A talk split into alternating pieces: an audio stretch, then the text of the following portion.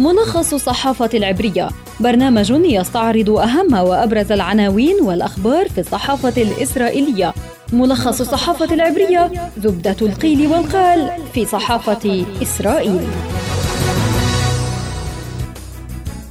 أهلا بكم مستمعينا في ملخص الصحافة العبرية. يعده ويقدمه لكم عبر شبكة أجيال الإذاعية خلدون البرغوثي. وفيما يلي أبرز ما جاء من عناوين في وسائل الإعلام العبرية صباح اليوم.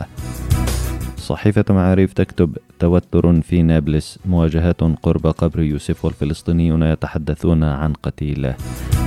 هيئة البث الإسرائيلية تكتب ليلة من التوتر في نابلس إطلاق النار على حافلة تقل مستوطنين إلى قبر يوسف. في هيئة البث الإسرائيلية أيضا حركة حماس طورت منظومة صاروخية جديدة استعدادا للتصعيد المقبل. هآرتس تكتب أبو مازن لا ينكر حدوث المحرقة لكن إسرائيل هي التي تنكر الواقع بالمقابل تحرض دعوة أحرنوت وتعنون. ليس زلة لسان من أبو مازن فالمنهاج الفلسطيني ضد إسرائيل واليهود حسب وصفها. في دعوة أحرنوت أيضا إيران تعد الرأي العام لديها لتوقيع اتفاق نووي جديد. عن ذلك تقول القناة الثالثة عشر إن إسرائيل ترصد اقتراب إيران من توقيع اتفاق نووي.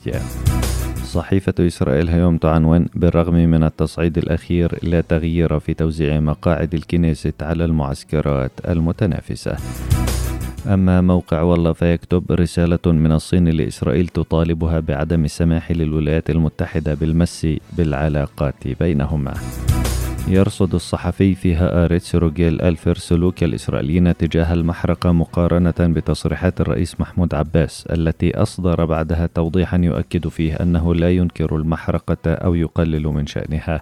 وحسب الفر فإن أبو مازن لم يقل إن المحرقة لم تحدث حتى أنه لم يلمح إلى ذلك لكن قد يكون قلل من حجم المحرقة عندما قارنها بالمجازر التي ارتكبتها إسرائيل ضد الفلسطينيين خلال النكبة وفي كفر قاسم.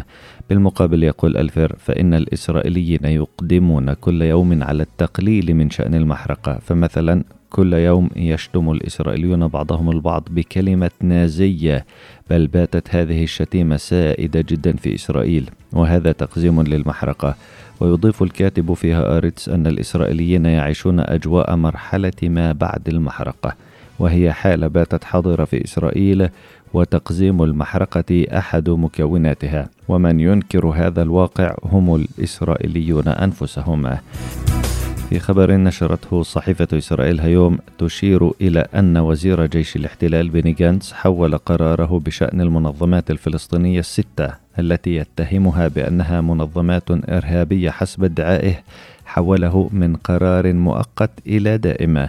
وهذا مستمعين قد يفسر عملية اقتحام عدد من المؤسسات في رام الله صباح اليوم وإلصاق أوامر عسكرية بإغلاقها.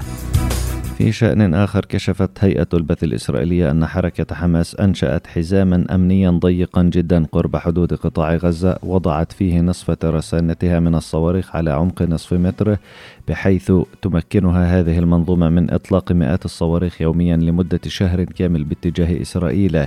كما ذكرت القناة أن منصات إطلاق الصواريخ تضم خمسة آلاف صاروخ موجودة في حفر على عمق نصف متر وهي مرتبطة بمنظومة إطلاق يتم التحكم بها عن بعد. نهاية حلقتنا من ملخص الصحافة العبرية أعدها وقدمها لكم عبر شبكة أجيال الإذاعية خلدون البرغوثي. أطيب التحيات إلى اللقاء.